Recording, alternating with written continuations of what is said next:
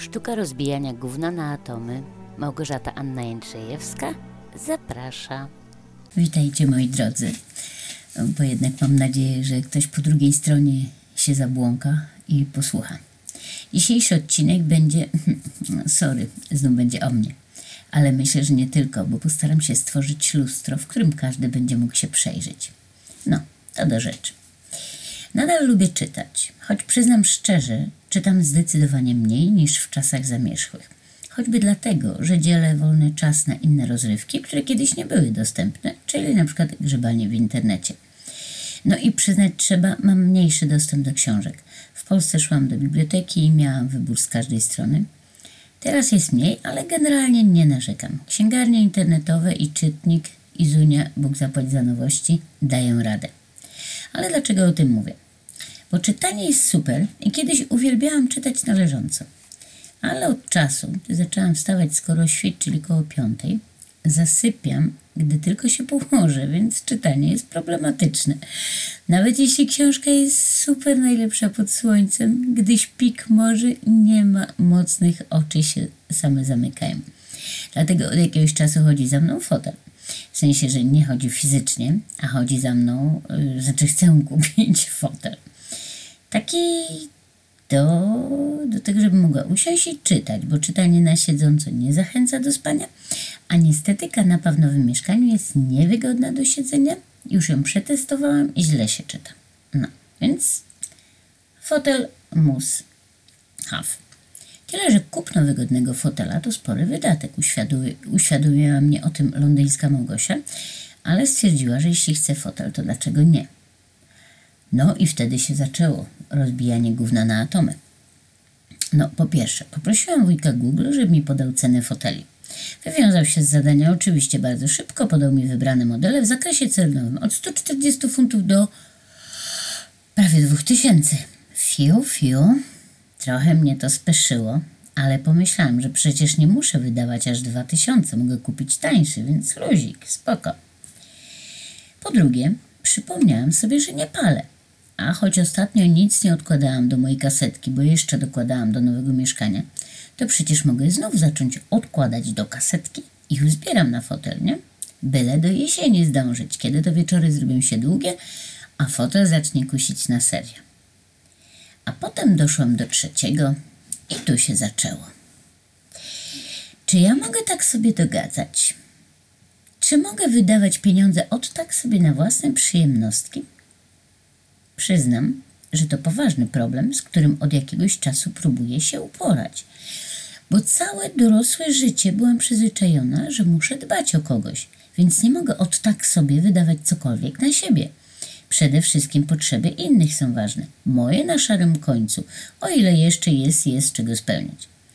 A tu nagle okazało się, że jestem sama do wydawania pieniędzy. Dzieci dorosłe pracują i nie chcą nic ode mnie, tłumacząc: Mama, my dajemy radę, ty zadbaj o siebie. Dobre sobie, ale jak, jak zadbać o siebie, jeśli się nie umie? Nie ma się tych przyzwyczajeń. No tak, ale z drugiej strony mówiłam, że cztery lata temu odkryłam nowe życie i zgodnie z nim starałam się myśleć o sobie, że jestem wystarczająca, że zasługuję na wszystko, co najlepsze i że oczekuję tylko tego, co najlepsze. I jak tu jedno z drugim pogodzić, co? To, że oczekuję i to, że, że nie umiem o siebie zadbać. Wypisałam sobie hasła, które powinny mnie prowadzić do lepszego jutra. Na przykład traktować siebie z szacunkiem, być świadomą tu i teraz, dbać o siebie, kochać siebie samą i rozumieć, widzieć swoje zalety. Nie wady, dobrze słyszycie, widzieć zalety. Choć łatwiej znaleźć wady, prawda? A tu widzieć zalety i doceniać je. Dawać sobie szczęście, być świadomą swojego znaczenia dla siebie, być świadomą swoich celów i pragnień, wierzyć w siebie, uśmiechać się do siebie, czuć się bezpiecznie i zdrowo, panować nad swoimi emocjami, wybaczyć sobie i pozwolić na więcej, czyli zadbać. Sami widzicie, no niby całkiem zwyczajne rzeczy, prawda? Takie, które powinnyśmy, powinniśmy, bo płci przeciwnej też to dotyczy, powinniśmy mieć w sobie od urodzenia.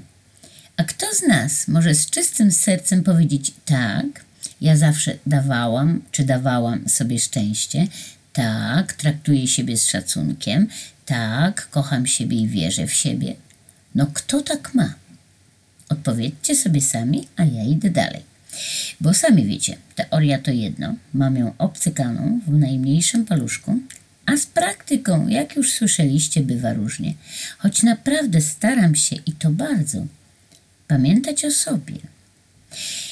Był moment, cztery lata temu, gdy chciałam założyć na fejsie profil Podaruj sobie prezent, żeby zachęcić innych. Nie tylko siebie, ale sama już zapisywałam w specjalnym zeszyciku wszystko, co zrobiłam dla siebie. A i to było na przykład typu uśmiechałam się do innych, nie kupiłam słodyczy, napisałam całe opowiadanie, umiałam dogadać się po angielsku i takie tamtym podobne.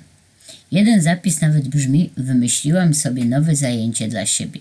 A w nawiasie dopisałam po jakimś czasie, ale wewnętrzny krytyk je skopał. Optymistyczne, nieprawdaż? No, to trwało kilka miesięcy, takie zapisywanie. Później odpuściłam, bo stwierdziłam, że te moje prezenty to jakby trochę głupie są. I tak ciągle te same i jakieś taki, jakieś taki dziwne. Profilu też nie założyłam, stwierdziłam, że, że to głupie, po prostu. Tak sobie powiedziałam.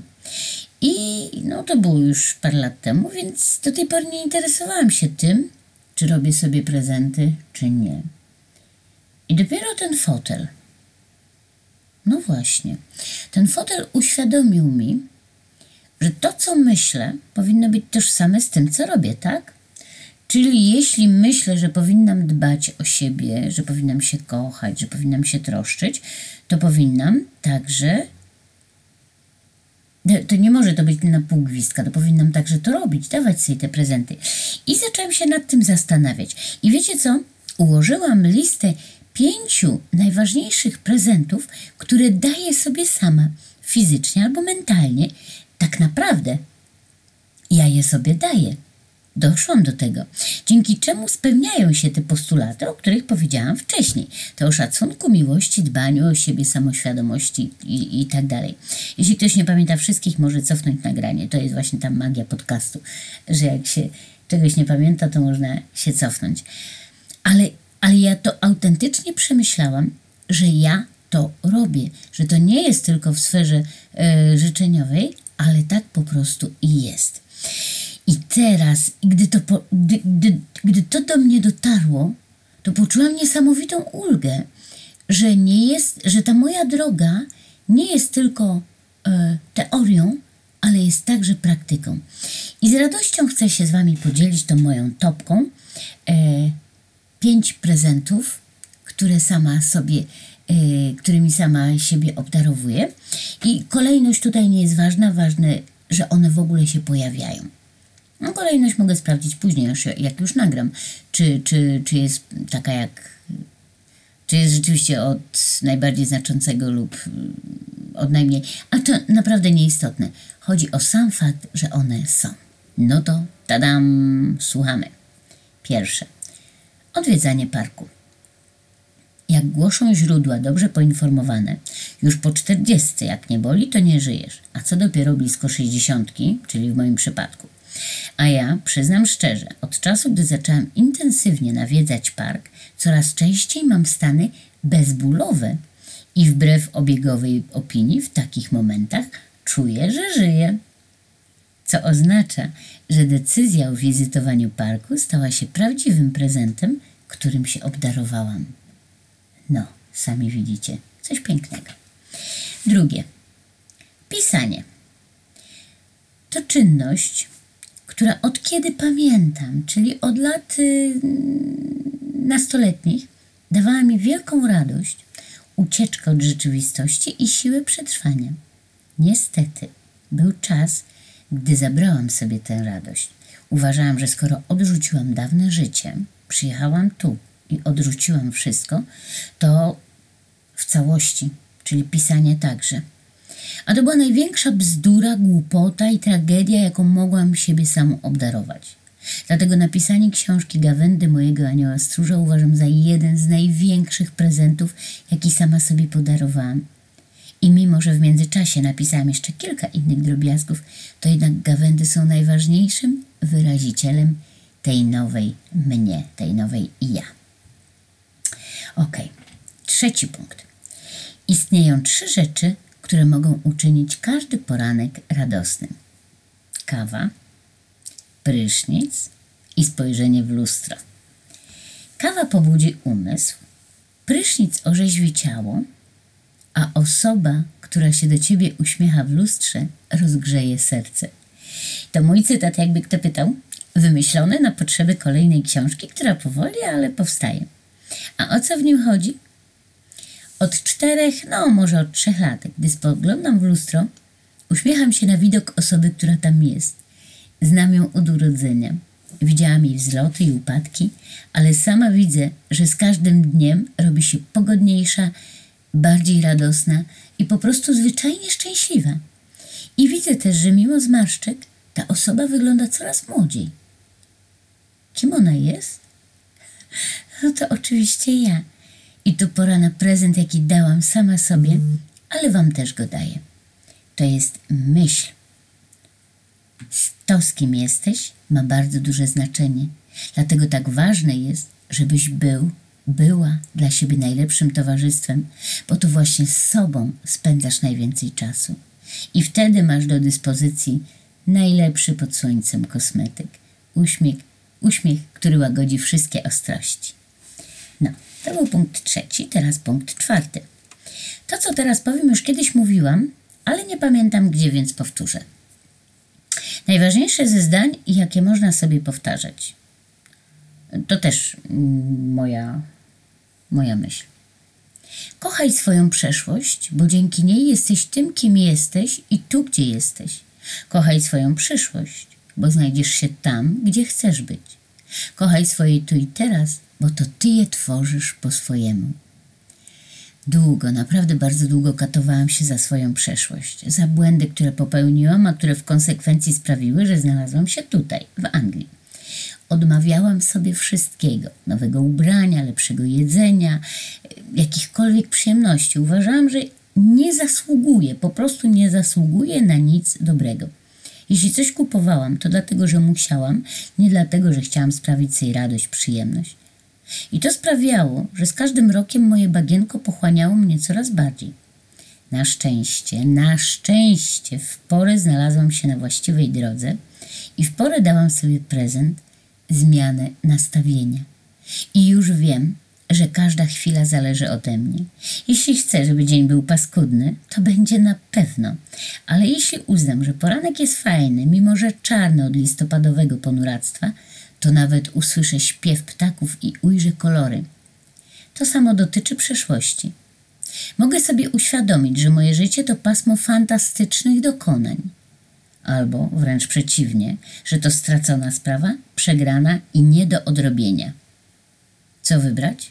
No wiadomo, ja wybrałam pierwszą opcję i trzymam się jej jak niepodległości, bo wiem, że bez względu na wszystko przeżyłam cudowne chwile i koniec, bez dodawania ale, które niweczy początek. Mam za sobą cudowne życie.